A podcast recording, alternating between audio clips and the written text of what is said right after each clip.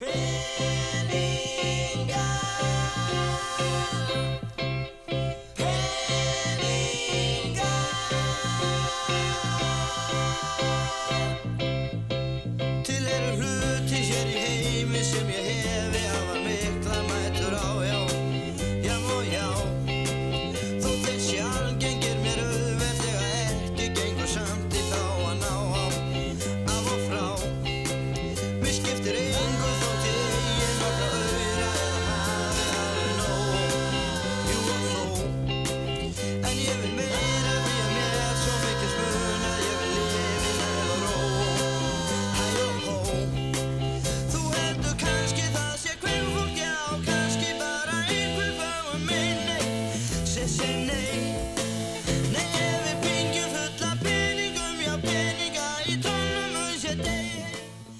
Íslenska lífeyriskerfið er í efsta sæti í alþjóðlegri lífeyrisvísitölu, svo nefndri mörsir vísitölu annað ári í rauð, en Ísland á samt Hollandi og Dammerku eru einu ríkin sem lenda í efsta flokki vísitölunar.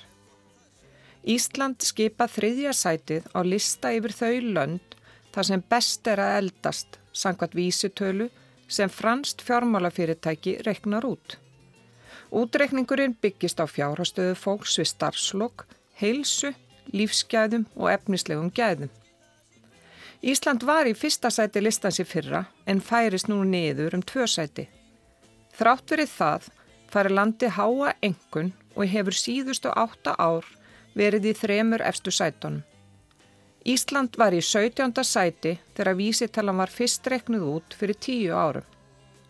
En þrátt verið þessa góðu niðurstöðu þá eiga Íslandingar sennilega heimsmett þegar kemur að skerðingum á ellilíferi sem ríki greiður út. Kanski ekki alveg heimsmeti sem okkur dreymir um, að minnstakosti ekki þeir sem verða fyrir barðinu á skerðingunum.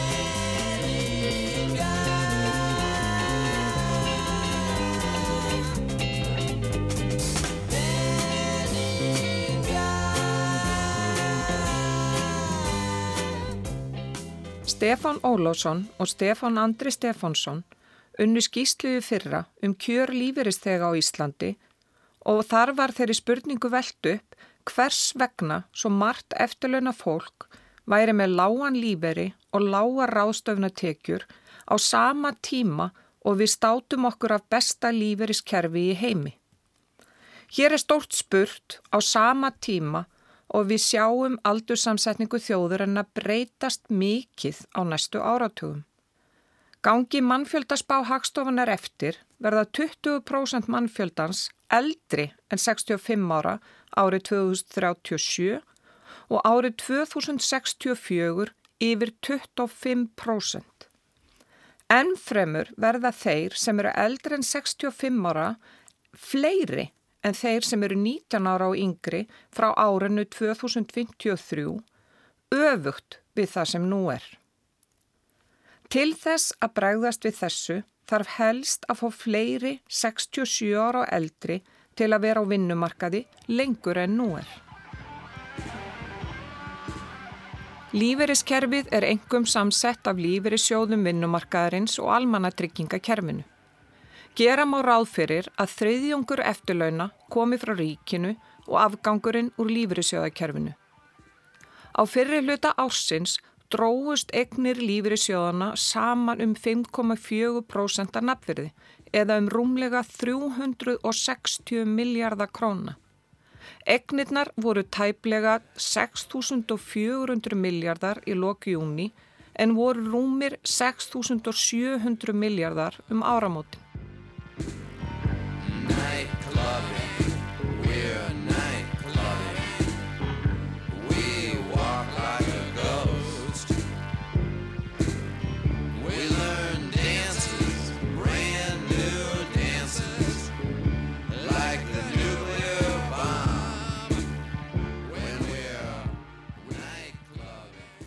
Sæl hlustandi góður. Ég heiti Guðrún Haldanadóttir og þetta er þriðjið þátturinn af sjö um lífið eftir vinnu að eldast á Íslandi. Í þessum þætti verða fjármál eldri borgara til umræðu, hvernig fólki gengur að láta enda ná saman þannig að það geti elst með reist. Í kjara fréttum eblingar frá því í september kemur fram að Ísland er með þriðja stærsta lífyrísjóðakerfi meðal OECD ríkjana en eitt minsta elli lífyrískerfi almannatrygginga sem fyrirfinnst meðal þeirra.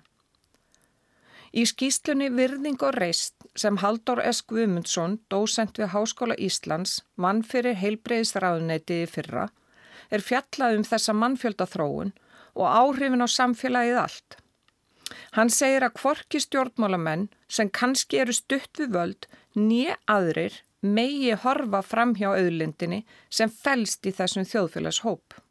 Líftími stjórnmálamann er ekkert sérstaklega langur svona að jafna því það held ég að sé ekkert langur. Þeir, það skiptir öllum og það eru fréttur um það 40% 50% er að skiptast í sveitastjórnum og uh, það tekur tíma að setja sig inn í málin. Það tekur tíma að átta sig á stöðinni eldri borgarar eða eldra fólk sjálft, fullra fólk og eldra fólk á í basli með átta sig á því hvernig þeirra eigin málaflokkur er, það er hvað þjónustu stendur til bóða yfir höfuð. Hvernig á ég að snúa mér í að sækja þetta og hitt og þarf að til góðunum þannig að það er ekkert skrítið þá að pólitíkin eða stjórnmálamenn séu aðeins áttaveltir í þessu að taki tíma til þess að fá þesta hendur. Og þegar að málumni eldra fólks eru kannski ekki endilega vinsalest í málflokkurinn sem, að, sem að, uh, þetta er ekki eins og eins og maður getur náttúrulega sagt sko.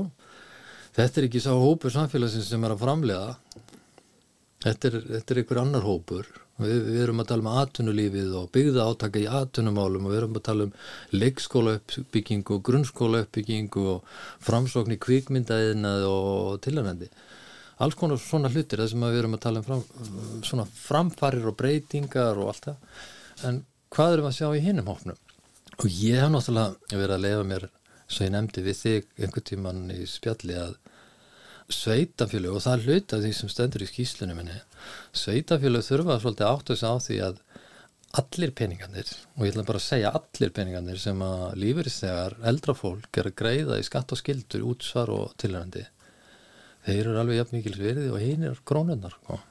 og það er þannig hjá okkur að, að staða margra einstaklinga sem eru á lífeyrisaldri er orðin sko, já ég vil segja þokkaleg allavega miða við það sem að margt annað yngra fólk er að hafa úr að móða og er með miklu kannski þingri framfærslubyrði og, og, og að mörguleiti kannski fjölbreyttari verkefni þannig að ég held að, að sko hópun þessu slíkur þarf líka og við hinn þurfum að fara að sjá öðlindinar alla reynsluna, alla kostina, alla styrkleikana alla getuna, alla hæfileikana sem liggja í þessum hópið eða þessum einstaklingum sem myndaði hann hóp réttarsöð Où est l'ombre des shadows Des birds, des doors Des animals, des mots,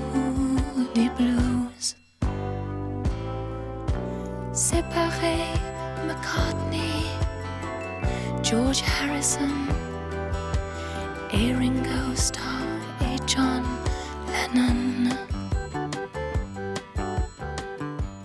að ímsu þarf að huga þegar að kemur að starfslokum, ekki síst í peningamálum og alls ekki ráðlegt að velta því fyrst fyrir sér rétt áður en ætlunin er að fara á eftirlun. Í raun segið Þórei S. Þorðardóttir, frangatastjóri landsamtaka lífrisjóða, að það borgi sig að skoða þessi mál strax og atvinnu þáttaka hefst. Það skiptir mjög miklu máli að fólk uh, skoði sína stöðu og þá eru margir að núti sem já, og hvernig ger ég það? Eh, við erum með lífur skátt sem hægt að nálgast í, í gegnum innri við fyrir öllum lífursjóðum landsins og það er að kalla eftir yfirliti frá öllum þeim lífursjóðum sem átt í samtryggingaréttind á Íslandi. Því að við höfum kannski verið að vinna víða yfir starfsæfina og það er góðu byrjunapunktur að, byrja þar og sjá hver staða mín og gera það jáfnframt með makasínum og sjá er ástæði til þess að gera samningum skiptingu lífyrsréttinda og svo slíkt. En, en það, það er góð byrjurum punktur að byrja inn á lífyrskáttinni og sjá hver er mín staða. Hvenar á fólk að fara að velta þessum málum fyrir sér? helst bara um leið og fyrir á vinnumarka. Þá að það huga því, býtur, nú er alltaf verið að draga af launan mínum, ég er að borga lífyrsjóð, á ég að taka þátt í viðbóta lífyrspartnaði. Enga síður þá er, er margir sem hafa ekki hugað að hlutunum en eru samt, kemur þeim óvart að, að staðið þeirra er bara nokkuð góð. Flestir hefja tökku ellilífuris við 67 ára aldur en einnig er hægt að flýta því eða fresta því. Lífyrsögkerfið það eh, býður upp á sveinjanleika og, og sumir eh, vilja hefja lífyrstöku snemma og aðri vilja fresta og eru lengur á vinnumarkaði og hafa hana, orku, starfsorku til að vinna og við vitum að fólk er bara mismunandi, þar starfa við mismunandi að geira og, og ef þú hefur tökulífri snemma e, þá færðu ævilangar greiðslur sem eru Eh, læri heldur en ef þú frestar. Þannig að það er hægt að fresta tökulífris og fá herri greiðslur í skemmri tíma. Þannig að við erum að tala um að þetta eru æflanga greiðslur. Lífyrsjóðinu stendur alveg á sama uh, hvort að fólk komi og takja lífyri 65 ára eða fresta til 70 því að það er bara reiknað á sama hátt. Það er uh, verið að greiða læri greiðslur lengri tíma og herri í skemmri tíma. Við erum með samtryggingakerfi þannig að þú áttir rauninni ekki alveg ákveðna fjárræð, þú átt ákveðin réttindi, svona ef við erum að tala um samtryggingakerfi. En síðan eru aðrir sem að hafa sínt fyrirhyggju og lagt fyrir í viðbótalífurspartna og þá er þeim alfæri frjáls hvenar þið taka það út og, og hvernig er haga því. Það er laust til útborgarnar eftir 60 ára aldur. Það er svona þessi klassiska, klassiska leið munurinn á elli lífeyri frá tryggingastofnun og greiðslum úr lífeyrissjóði. Lífeyrissjóðsgreiðslaðin, hún helst alltaf. Já, það, það er rétt. Eh, þú ávinnur þér með á meðan þú ert á vinnumarkaði, þá er greitt yðgjald inn í sjóðina og á grundvelli þess að reiknast réttindi. Eh, síðan eh, þegar fólk kýs að hefja tökku lífris, yfirleitt er það í kringum 67 ára aldur, það er svona hefbundi á Íslandi, en allur gangur á að sjálfsögðu, að þá koma greiðslu tryggingastofnunar og það er, er sveianleiki hjá þeim að samaskapi en uh, það er mjög tekju háð, greiðsluna þar eru svona eins og örgisnetu okkar á, á margan hátt og uh, koma á móti og ef þú ert með háar greiðslur lífyrsjóði þá koma læri greiðslur frá tryggingastofnun. E, þetta er mjög umdilt og þarna heyru við og, og vitum og við sínum fullanskilning. Þetta er eitt af því sem við höfum verið að benda á að þessar tekjutengingar, almannatryggingar, þær eru ganga mjög hart núna. Það er, er raun verða jáðarskatta áhrifin alveg gríðaleg hjá, af því að það, það er verið að e, það er 45% lækkun á greiðslur almantrygginga á móti þeim greiðslum sem koma úr lífursjóði eftir að, að frítekjumarkinu hefur verið náð. Þetta, þetta er mikið? Já, þetta er mikið því að uh, síðan er borgað fulli tekskattur af aukið. Þann, þannig að það eru jáðarskatta áhrifin eru mikil. Þannig að, að það er innbyggt mjög mikil svona jöfnuður inn í almanntryggingkjörfi. En þegar fólk er komið með svona réttum 650.000 krónur úr lífyrsjóðum eh, sem er ekki margir eh, sem er á lífyr í dag sem hafa það háar lífyrskreslur að þá færðu ekkert út úr tryggingustofnun. Þannig að, að það er mikið samspil á milli e, lífursjóðagreisna úr lífursjóðum og svo greisna frá almanna tryggingum. Frítekjumarkið er ekki hátt á Íslandi. Núna er frítökjumark á atvinnutekjur 200.000 en almennt frítökjumark er aðeins 25.000 og þarna hefur verið mikil eh, umræða eh, að það er ekkert öllum gefið að geta unnið eftir að þeir eru komnir á efri árin. Eh, af hverju eru þá lífurskreislunar sem maður má horfa á kannski sem frestun og launatekjum meðhandlað með öðrum hætti heldur en ef þú værir á vinnumarkaði. En þetta er náttúrulega bara pólitíkin á hvernig tíma sem að ákveðu það því að almannatryggingar eru fjármagnar á fjárlögum hvers árs. Það er hérna e, gegnum strömskerfi og þeir sem eru á vinnumarkaði, þeir eru að borga skatta og fjármagna þessa sameilu sjóðokkar eins og, eins og annað sem er í samnýslunni. Þegar lögum lífur í sjóði voru sett fyrir rúmri hálfri öld var almannatryggingakerfið allt annað en gott. Fjárhagstaða hvenna er oft verri en karla. Þeir sem er á lífur í dag, þeir finna fyrir því að eiga ekki fullmótu lífursréttindi í lífursjöðakerfinu og það er held ég undirótin af óanæginni þegar að uh, lífriðsögkerfið er stopnað með kjærasamningu 1969 þá voru við með mjög vikt almantryggingakerfi og lífriðsögkerfið var hugsað til þess að bæta kjör uh, eldri borgara sem voru, þetta var kreppu tími og, og veitt ekki af að, að, að huga að uh, svona fjárastlegu sjálfstæði eldri borgara. Þannig að, að að það er fólk enn núna á lífiri sem er ekki með fullmótur réttindi. Fyrir 1980 þá var nú erfitt að varvita fjármunni, eh, það var óðaverbulga og, og annars líkt, en e, yngri kynsluðin og ná, fólk sem er já, fætt, hvað maður segja, svona 1960-70, þeir eiga að vera með nokkuð fullmótu lífirséttindi. En síðan er svo bendir á sem er mjög hérna, að fólk þarf svolítið að skoða sína stöðu og það er mjög algengt að konur séu hlutastörfum e, það er e, og það er oft svona skörði ánveinslu hvenna það er eins og það sé algengara það er hoppi til ef það eru veikindi hjá börnum, langveik börn og, og aldraði fóreldrar og annars líkt og þetta sérst á, á, í samanburði á réttinda áherslu millir hvenna og kalla þótt að aðtunum þáttaka hvenna sé gríðarlega há á Íslandi Já, þannig að það er eiga oft kannski bara minna í lífriðsjóðum. E, já, ef, ef að e, fólk er ekki, af því að þarna er verið að borga hluta af aðtunumtekjum og, og það er alveg verðt að benda á að, að hjón og sambá fólk geta jafna þessu stöðu sín á milli en þá alls ekki að hlaupa til og gera það því að það þarf að gæta að ymstu áður en hlaupa er til í slíka samninga.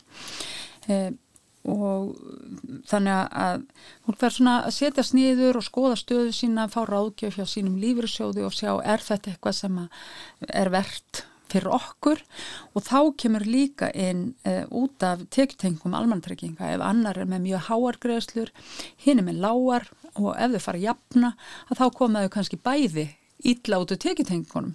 Þannig að það er voða erfitt að segja já allir er að gera eitthvað það þarf hver og einn aðeins að, að skoða þessa hluti. Við eigðum ofta alveg gríðanlegum tíma í að kaupa okkur nýja bíl eða jáfnveg bara nýjan e, síma eða, eða slikt en þetta eru stóru hlutnir þetta eru, þetta eru gríðanlega miklu fjármunir sem fólk er að leggja fyrir stóran parta launónu sínum inn í að fjármagna e, eftir launin og lífursögkerfið reyndar alveg gríðarlega upplugt sem eh, áfallalífurir eða þú verður fyrir eh, slísum eða sjúkdómum á lífslegin og tapar starfsorku og síðan ég framt eh, makalífur og barnalífuri og slikt þannig að þetta er skildu tryggingakerfi sem að er bara mjög upplugt kerfi svona í alþjóðlegum samanbyrðu við hefum séð það ítrekkað.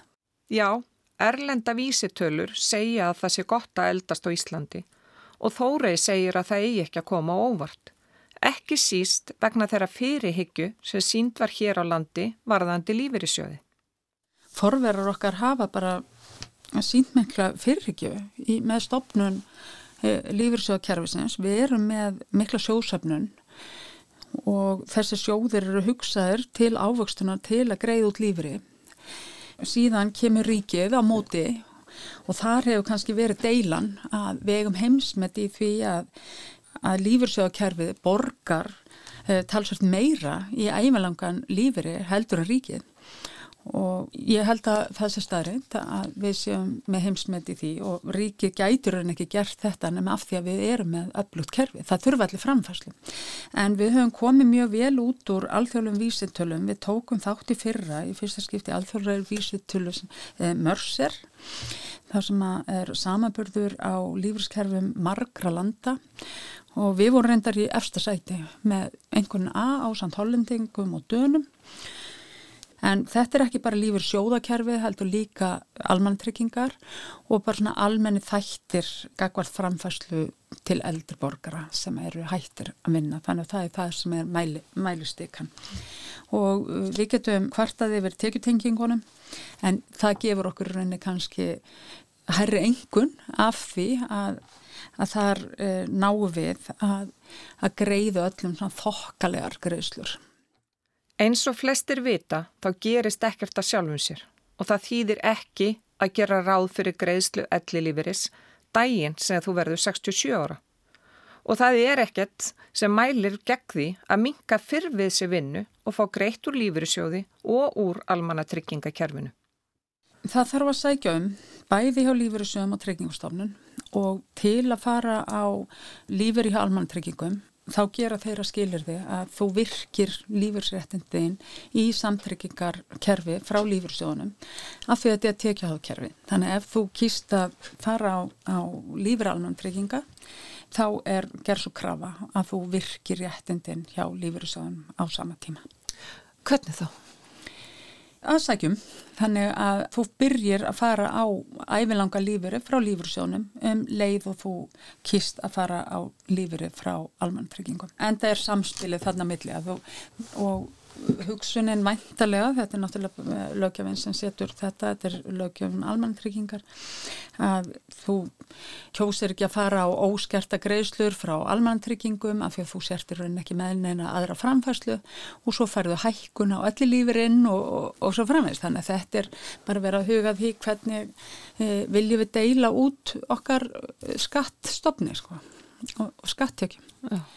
En svo vil ég kannski líka benda á að, að fólk þarf ekki endilega hægt að vinna og fara á lífri. Það er hægt að fara hálfan lífri og bæði frá almannatryggingum og lífrusjóðum og það er eitthvað sem að þeir sem að eru, vilja kannski minka við sig, eru tilbúinir aðeins að gefa eftir og, og fara, fara á lífri en, en vilja ennþá he, aðeins sinna störfum áfram að þá er ekki lengur svona allt eða ekkert. Þannig að það er verið að þróa kerfið í átta meiri sveianleika. Já, þannig að til og með segjum að þú sett 65 ára, þú vilt fara nýri 50% starf, þá færðu greiðslur úr lífri sjóði og ellilífri eða hvernig Já, það? Já, þú getur jafnframt fara hálfan lífri frá almannatryggingum og þar er þeir með e, sérstakt frítökimark á að Þannig að þú getur farið á, en þú þarfst að virkja hálfan lífur frá lífursjóðum á sama tíma og síðan getur verið að vinna og ert ennþá ávinnaði réttindi í lífursjóðkerfunu á sama tíma. E, þannig að þetta er eitthvað sem að, að er alveg verðt að skoða hvort að hendi einhverjum. Þóri nefndi hér áðan makalífuri. Ég byrð hann um að útskýra hann nánar. Makalífurir er uh, greittur til sambúðamaka með sama hætti svona í, í flestum tilvökum uh, fyrir utan uh, svona eldri kerfið en hins vegar getur þetta haft talsverð áhrif á viðbótalífurspartna og sérregn því að eins og flestir þekkja að þá er ekki erðaréttur millir fólks í sambúð og uh, sérregnar lífisréttindi að þau ganga til uh, í raunni skilduerfingja sem eru þá hjúskapamaki þannig að það þarf hjónaband og niðja. Þannig að, að það kann að hafa áhrif á, á réttindin. En þessi hefbundi makalífur sem greittur er út úr uh, lífisögkerfuna hann er greittur jæmt til sambúamaka eins og, og hjúskapamaka þannig að það er engin, engin munra á Sérregn og viðbóta lífeyrisbarnar er ekki það sama og það er verið að breyta lögunum varðandi sérregnina líkt og hefur verið fjalla mikið um í fjölmjölum undarfarna mánuði. Það er að taka gildi núna með áramótin lagabreitingar og og þær eru þess eðlis að, að sérregn uh, kann í ykkurinn tilvikum að skerða gærislega almantrygginga en það tekur ekki til þess að við, hefðbundna viðbúta lífspartnar. Uh, þannig að þeir sem hafa verið að leggja fyrir 4% og fá 2% uh, mótramla frá launagarenda og eiga þennan hefðbundna viðbúta lífspartna að hann hefur ekki áhrif á gærislega almantrygginga. Segðu mér aðeins frá þessum breytingu sem að verða á lögunum um áramót. Eh, það er verið að hækka eh, lögbundan lámars yðgjaldið í lífursjóð úr 12% í 15,5%. Eh, það er búið að vera 15,5% í talsverðan tíma á grundelli kjærasamlinga, ríkistarsmenn og sveitafélagstarsmenn og uh, hafa borga 15,5% gjaldi í fjöld ára og uh, síðan var verið að hækka yðgjaldi uh, á hinn malmenn markaði í skrefum og fór upp í 15,5% árið 2018 að fullu og núna fylgir lögja með og, og gerir að láma sig gældi 15,5%. Það er svona talsur stór breyting. E, Jafnframt er við að breyta e, þeim greiðslun sem hafa áhrif á greiðslutryggjengustofnar. E, áður var öll sérregn, alveg sama hvernig hún var tilkomin, að hún hafði ekki áhrif á greiðslurarnum trygginga. Þetta þótti að mörguleiti ekki alveg eðlagt að þeir sem að greitu allt sitt yðgjald í samtryggingu fengu minna átur almanntryggingum út af tekjutengingum á meðan að að þeir sem að voru með hluta skilduðgjaldinni í sérregn að, að það var haldið fyrir utan uh, greiðslur fyrir almanntryggingum. Þannig að það má segja að þarna sé verið að jafna talsa stöðuna á, á milli þess að það, það hefur ekki áhrif hvort að þú kýrst að vera með í æfinlangan lífur í samtryggingakerfi eða setja yðgjaldið í eitthvað skonar sérregn. He brought the bread up and also the fishes and then his disciples went ahead. But the more passed round, the more they found with lots left over when all had been fed.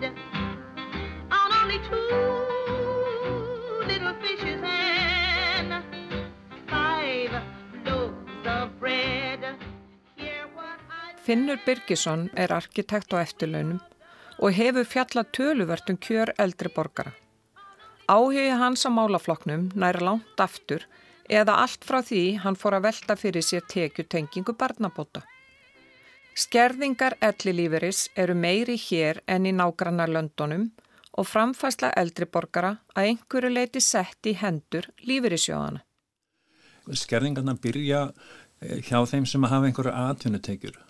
Eh, þá byrja skerðingarnar ekki fyrir að þeir eru komnir upp í 200.000 mánuði en hjá þeim sem ekki hafa atvinnutekjur og eru bara með eins og fólk er flest með, tekjur á lífeyrisjóði, kannski einhverja smá eh, fjármastekjur vakstatekjur af reikninu sínum að þá byrja þessar skerðingar um leiðu að fara upp fyrir 25.000 mánuði. Og það er út af fyrir sig uh, atriði sem að ég tel uh, mjög slæmt í þessu kerfi því að ég lít bara á þetta sem einfallega sem mismunum það lítur út fyrir það að menn hafi lagt ofur áherslu á að láta lífyrirsjóðuna yfirtaka þetta hlutverk ríkisins. Og, og til þess er beitt þessum tekjutengungum, skerðingum sem að skera niður það sem að, það sem að kemur frá ríkinu um leið og eitthvað kemur á móti annar stað frá. Og þessar skerðingar eru bara eru einstæmi held ég. Á, ég veit ekki hvort það er á heimsvísu en allavega þekkist þetta ekki nálega á landum þessar skerðingar það, það er er dæmi frá Danmörku um svona tekjutengingu, skerðingu en hún er miklu vægar en hérna hjá okkur þar sem að við erum með 45% skerðingu eða jáfnvel upp í 56,9% skerðingu eru þeir bara með 30%. Finnur segir að þetta valdi því að fólk á þessum aldri er í mörgu tilvikum með mun minni ráðstöfnatekjur en þeir sem er á vinnumarkaði. Það eru alltaf margir sem að uh, búa við lífskjör sem að eiginlega passa ekkit við það sem að eiga að vera lífskjör á Íslandi sem er mikið velmeðuna landa sem að fólk hefur það gott. Í kjarafréttum eblingar segir að markmiðið með stopnum lífeyri sjóðana í kjarasamningunum árið 1969 hafi verið að hækka lífeyri eftirlaunafólks en ekki að losa ríkið út úr lífeyriskreðslum. Mun lægra hlutfall þjóðaframleiðslu rennu til greiðslu elli lífeyris hér á landi en í nákvæmna löndunum. Hlutverk ríkisins að borga elli lífeyri er miklu rýrara hér heldur en bara þekkist yfir höfuð held ég. Ja, ég er allavega í nálega um löndum. Um, er þannig núna samkvæmt nýjastu tölum að uh, það sem að ríki settur í þessa hluti er 3% af uh, verkri landsfarmæðislu meðan að uh, meðaltal OECD er eitthvað nálagt 7-8% og að lönd eins og Norröfur, Danmörk, Svíþjóð þau eru alltaf því róli en við erum með 3% Þetta er náttúrulega mjög mikill munur sko, en hann stafar af þessu að menn hafa hugsa þetta dæmi þannig að, að láta bara lífeyrissjóðuna yfirtaka þetta skildur hlutverk ríkisins og, og að ríkið drægi sér bara út úr því.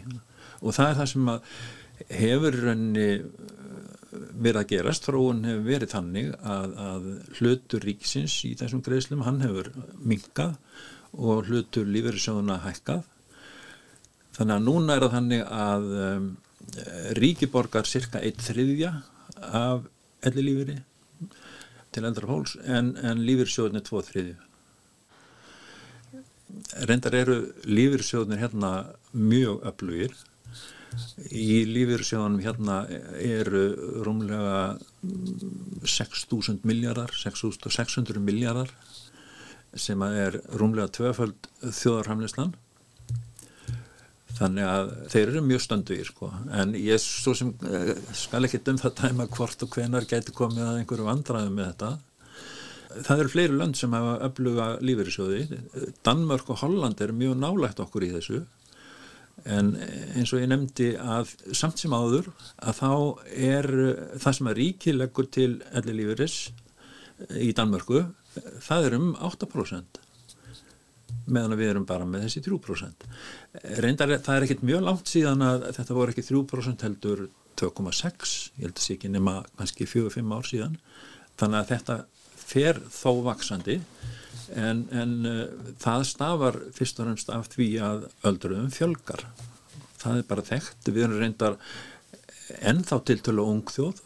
Uh, eða lífeyris þegar ég eru hlutvarslega færri hér heldur en við annar starf þannig að við erum vel sett að því leiti en þróun er náttúrulega allir þess að átt að, öldruðum fjölgar Fyrir nokkrum árum stopnaði hópur eldra fólks baráttu hóp Gráa herin. Á vef hópsins segir að hann berjist fyrir mannsamætti kjörum og virðingu gagvart eldriborgurum, meðal annars gegn skerðingum í almannatryggingakerfinu. Finnur er meðal félaga. Þa, það er náttúrulega lengi og mikið búið að ræða þessi mál og búið að skrifa marga greiningerðir og, og flytja marga tilugur en, en það hefur, það hefur lítið lagast. Og, og fólk sem hefur verið að eh, glíma við, við þessi mál og vilja fá fram lagfæringar og breytingar það, eh, það, það e, brá á endanum að það ráð að hérna, stopna hennar gráa hér og að þrýr einstaklingar þeir, þeir hafðuðu mál gegn ríkinu og, og, og með stuðningi gráahersins og með stuðningi uh, félagsamtaka ímisa og einstaklinga því að svona málsókn kostar náttúrulega hellingapeningum stuðnin, aðal stuðningsaðelin er reyndar Vestlunmann fyrir Reykjavíkur, svo það sé nefnt. En hérna málsóknin gengur út á það að hún gengur ekki út á það að þessi þrjir einstaklingar þeir vilji fá penninga tilbaka eða fá endugreitt eitthvað e, málsóknin gengur út á það að, að fá domstóla til þess að hveða upp úr um það að þessar skerðingar uh, og þessi tekitenging sé bara úr hófi algjörlega úr hófi og sé samreymist ekki meðalhósareglu og brjóti stjórnarskrá, eignaréttar ákvæði og mannreitnda sáttmóla uh, sem sagt að fá domstóla til þess að hjálpa til við að knýja ríki til þess að breyta þessu. Í síðasta þætti sagði Janus Guðlöfsson okkur sögu Gunnars og í dag ætlar Finnur að segja okkur sögu Ólafs. Ólafur sem er 87 ára hann fekk í fyrra ábót á greislunar frá lífyrirsjónu sínum lífyrirsjóðu verslunum hana hann fekk upp 252.000 króna ábót og eftir skatt að þá eh, gerði þetta 173.000 sem hann fekk inn á reyningin sín en þá átti tryggingarstofnun eftir að hérna, koma inn í dæmið og þar sem tekjurnar hans örðu herri en hann, hann hafði áallad að þá krafiði stofnunum hann um endurgreðslu á lífri upp á 105.700 sem sagt af 252 krónu uppbót frá lífriðsónum þá fekk hann einungis að halda fyrir sig 67.300 krónum 185.000 eða 73,3% af upphæðinni hýrti ríkið á honum tilbaka með skattum og skerðingum. Og þetta ennú hvað við segja, þetta lýsir göllum þessar kerfis í nótskur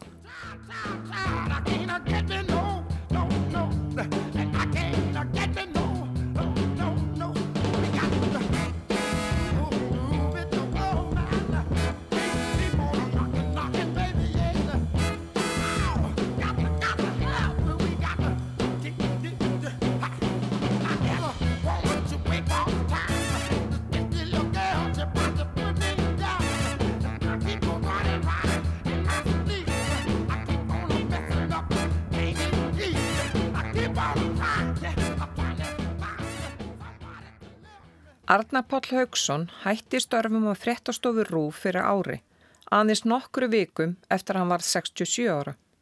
Það var erfitt fyrir hlustandu speilsins að heyra þennan reynslu mikla fréttamann hvaðja þá.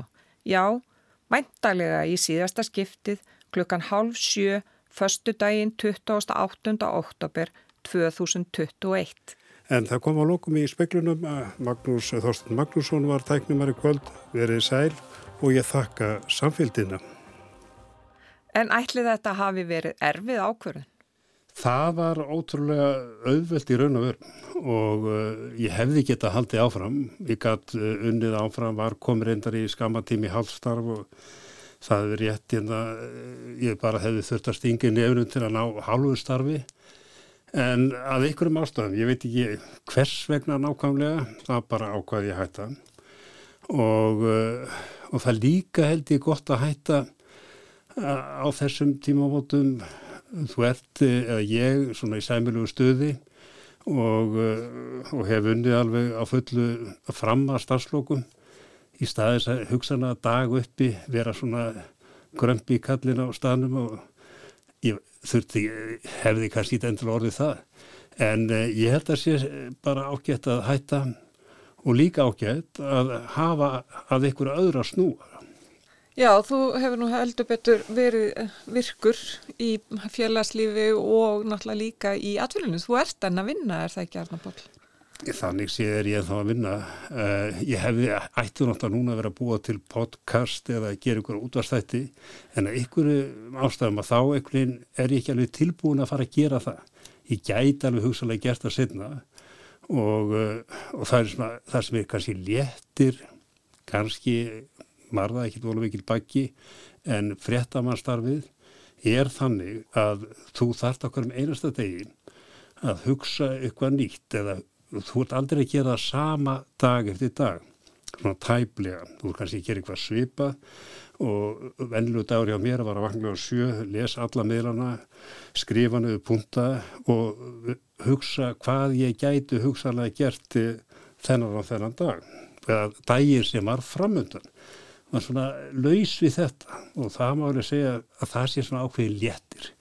Og, og ég sko sirki ekki endilega fréttamann starfið, ég græti ekki kottan á kvöldin. Nema hvað að ég held að sé ágætt að hafa eitthvað fyrir stafni. Og þó það sé ekki nema það, ég vakna reyndar áfram klukkan 7 en skrifa ekki endur að niður, ég les miðlana svona til að vera bara tilbúin til að hitta félagana í hérna, heitapottunum í lögunum. Og þar hittist ákveðin hópur, við syndum, það synda allir svona sæmilega, ég syndi 500 metra, svona jafnaði.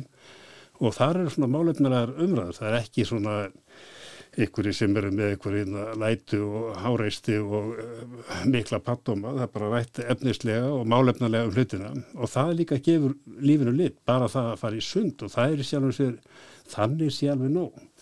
Uh, en uh, svo er ég reyndar að hjálpa bróður mínum af og til og hann er svona með aukavinnu og hinn og þessu út um alla trissur og það líka er bara mjög gott og svo núna þessa stundin er ég reyndar að flýsa leikja baðherbyggja á mér og það reyndar hefur þurft að sitja svolítið á hakanum, ég er orðið svolítið óvinsall heimíma mér því miðar mjög illa vegna þess að, að ykkurum ástæðum að það datt mér í hug og ég veit ekki almennilega hvers, hvers vegna mér datt það í hug. Kanski vegna þess að það er almenna skortur svona leikskólum og þvíu líku. Þannig ég hérna sótt um starf og það var í bóði hálfstarf og reyndar eh, sá ég að það var kannski ómikið að mæta þarna fymta í viku en ég, núna er ég að vinna á frístundaheimili fyrir hérna, skólabönd. Þetta eru átt ára bönd sem mæta núna þessa stundina og þar er ég svona rétt rúma þrjá tíma á dag eftir hátíð og það er bara, þannig að ég og svo þegar ég kem heim þá fyrir ég að flýsa leikja þannig að þetta er alveg svona kannski kannski full mikið en uh, já, það er svona og svo, svo jafnvel það einmilst þetta annað sem að já, blandast inn í þetta en ég er ekkert að segja, það var einhver að segja ég væri hérna, hvað heitir það, ofvirkur en ég held að segja ekki endilega það. En uh, það getur hver, hver veit fundið sína hillu í þessu það er ekkert endilega verið svo spíti konsjális og vinn út um allt og þræla og sopna döðþreyttur á kvöldin. E, það getur bara eitthvað henda, annað hendað öðrum. Og ég áreindar önnur verkefni sem að reynda að sitja á hakanum þessu stundina. Og þau eru svona meira við skrippborð Já, þú vilt eiginlega frekar vera á reyfingu í dag. Já, ég er alveg hérna ég vil vera á reyfingu og ég veit ég kannski er það vegna þess að ég er náttúrulega þeirri kynsluð sem var ólst upp þannig að maður var vinnandi svona verkamanna vinnu alveg fram til tvítus og það var alveg hörku vinna, laung, sumafrí frá skólanum, allar mentaskólan og líka gagfræðiskólan. Og svo byrjaði, uh, fór ég reyndar í sveit nýjára, var það fjögusumur og þar var líka, kannski lærði maður að vinna svona verklega vinnu. Og svo bara var verklega vinna, ég var á sjó og millilandarskipi, virkjunum og, og ég held að mín generasjón auknir þróaðist í gegnum þetta, fekk að reyna þetta, hvort það var gott eða vond, ég veit það ekki, en það eru æg fleiri núna sem að hafa kannski þessa reynslu. Og til dæmis þegar ég byrjaði í bladamennskum, að þá kannski var ekki, voru ekki margir mentar í greinni, en það var þó, það var talið þeim til tekna að hafa reynslu úr atunlífinum en nú er það kannski ekki, það er ekki lögð einsmikil áherslu á það. Og það var kannski fréttamennska meira að tala við bændur, tala við sjómir og svona geta hoppað um borð og sleið um sig og hitta á svona á jafningja grundvelli að kunna tala við þá þó var sér kannski ekki kunst en, en, en, en þessi reynsla var talin mönnum til tekna þegar ég er sem fréttaði að bláða minn. Kjaramál eru mörgum ofalega í huga enda flestir samningar lausir eða að losna. Arnar Páll fekk bladamanna velunin fyrir umfjöllunum kjaramál og var vel að þeim velunum komin enda fáir ef einhverjir blada og fréttamenn með sömu þekkingu og hann í þeim málaflokki. En það eru aðri sem annars þá umfjöllu núna.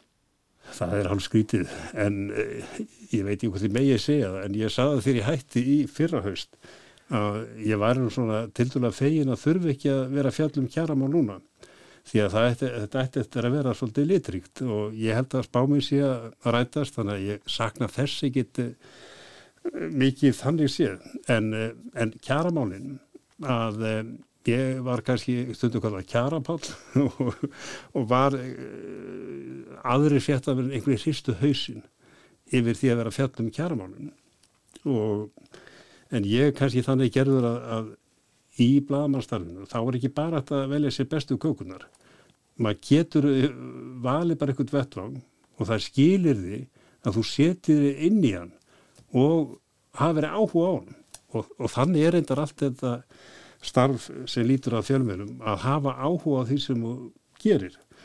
Og kannski kann einhvern veginn að þau að svítið að ég hafði áhuga á kjaramálum. Og þannig þekktur þetta mjög marga í þeim gera og, en svo er þetta alltaf breytast, þetta breytist öll þannig ég sé svo sem ekki endala eftir því en ég fylgist með þeim. Og hvernig líst þér á kjaramál eldriborgara? Mér líst ekki sérstaklega vel á þau. Og ég er kannski að einhver leiti í betri stöðu en margur annar. Það er margi sem er að ljúka æfi, ekki æfi kvöldun, heldur æfi starfinum og standa fram fyrir því að þeir eiga lítið í, í lífeyrissjóðin og það, ég var lengst af hjá ríkinu. Sá lífeyrissjóður var snögtum betri enn á almenna markaðunum. Þetta er reyndar alltaf breytast núna. Nefna hvað að ég svona stend svona, ég stend ekki vel launin hérna hrinja að, og ég get alveg upplýst það að ég hef ekki ennþá sótt um hjá ríkinu. Því að eh, leiðu ég fari, fari, fari eitthvað að vinna og væri með eitthvað krónur þaðan að þá eh, skerðist það. Og það tekur því ekki fyrir mig að fara að eldast, eldast við það í raun og veru. En ég fæ hins vegar lífveri og nú kannski hlusta normin og dænur á mig en ég fæ smá örðu frá þeim. Og ég held að munurinn á íslenska kerfinu og í Nóri, ég þekki ekki alveg í Svíþjó og, og, og í Danmarku að þá er það þannig og það er það sem að menn hafa verið að deila um að menn eigi rétt á okkur grunn líferi og það ætti náttúrulega að vera þannig hérna og kannski var það að hugsa þannig. Þetta er reyndar flókimál og ég hef nokkur sunnum fjallað um þetta en, en það, það er þó þannig að eh, í Nóri og Damörgu, ég þekki það því að ég er að fá þess að smá örðu þar. Og það miðast bara við hvað ég bjó lengi þar, ég bjó í sex ári í, í Nóri og, og rúm tvö ári í Damörgu að þar fá menn ég og þú og, og, og það eiginlega skiptir ekki málu hvað vart með í laun.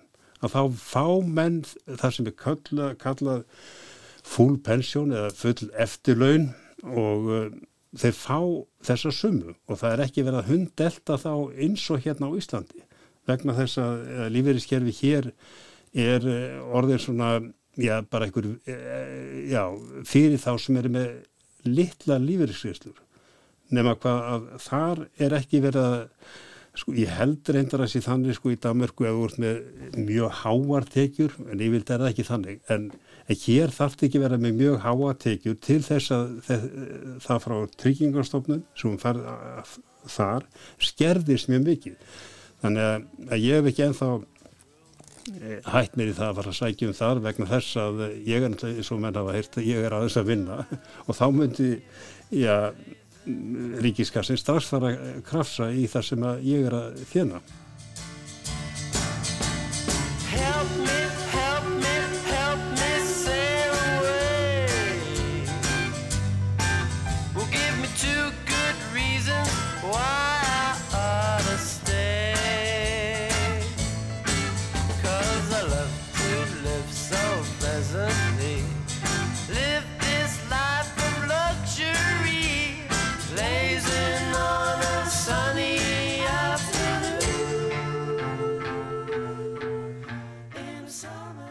Arnar Páll mætur í sund á hverjum degi en hann syndir ekki bara í sundlögum, heldur líka í sjó. Já, ég glemdi því. Ég, ég, ég syndi í sjónum og gerði það reyndar fyrir tíu ár. Þá var ég að fulli hérna, þá var, var ég þannig, vann ég hérna, ég var meir í vaktavinnu og var það vakstjóri hérna og átti það svona frítagum og þá fór ég í sundamotuna og sjóin á, á, á kvöldin sko á, frítugunum. En svo breytist starfi og þá ekki loknaðist þetta út og en nú er ég byrjað aftur að syndi sjónum. Og er búin að plata eitt barnabarnið sem er reyndar 25 ára. Hann er hérna, fílar hérna sjóin og, og við förum svona núna að jafna því einu sinni viku. En svo er reyndar svona hef ég þreytt hann einhver langsund sýndi við við og tilbaka. Hjá maður ég var því að gera það aftur. Það var svona hróttalegu sjór. Þannig að ég, ég sjósundið og ég er eitthvað endilega að mæla með því að það menn, mæli, mæli kannski menn, með því að menn prófi það Og þið hjónin hafi, að, voru í síðasta vetu tölverðan tíma í sólinni eftir að þið hættu að vinna. Já, við, við erum bæði hættu að vinna og fórum til Tenerife sem ég hef nú ekki haft mikið álut á. Hafði komið einu sinni þar áður ég var 60 og fór nú svona með hunds haustangað og fannst þetta eiginlega gerfi veröld og e, sem það er náttúrulega þú ert túristi en e, svo fórum við aftur og leiðum íbúð í, byrjun ásins og vorum tæpað þrjá mánuði. Það er enda alveg smell passaði vegna þess að þann tíma sem við vorum á Tenerife þá geysuðu mikil hérna óveður hérna heim á Íslandi. Menn bara myndi getur hérna verri, verri vetri. Þannig að það eh, small alveg mjög vel og, og reyndar hérna þegar ég kom tilbaka þá stoppaði nokkru dag og fór svo hálfa mánu til Kúbu þannig að ég slapp alveg hérna leiðinda vetur og ég, sumir kaupa hús og ég er ekki alveg vegna að ég ánur reynda tvö svona sumarhús á hérna á Íslandi sem að, sem að reyndar sýta líka hakan og sko. Það, það er mikið að gera þar. Þannig að, að ég myndi ekki vera að bæta við mig nýju húsi á spáni. En þetta er fínt að leiða íbú í stuttantíma og við ætlum að gera þetta förum út hérna annan janúar og verðum þá hérna þrjá mánuði. Ég mæli með því. Vegna þess að e, þá maður sé alltaf afneita því að maður sé túristi og það er mikið túrist að gera þarna á Tenerife. En þá er bara, er hægt að gera svo mikið þarna, annað en það að vera í glaum og gleði að það er þetta sko lapp út um öll fjöll og, og ég gerði þeim mikið af því.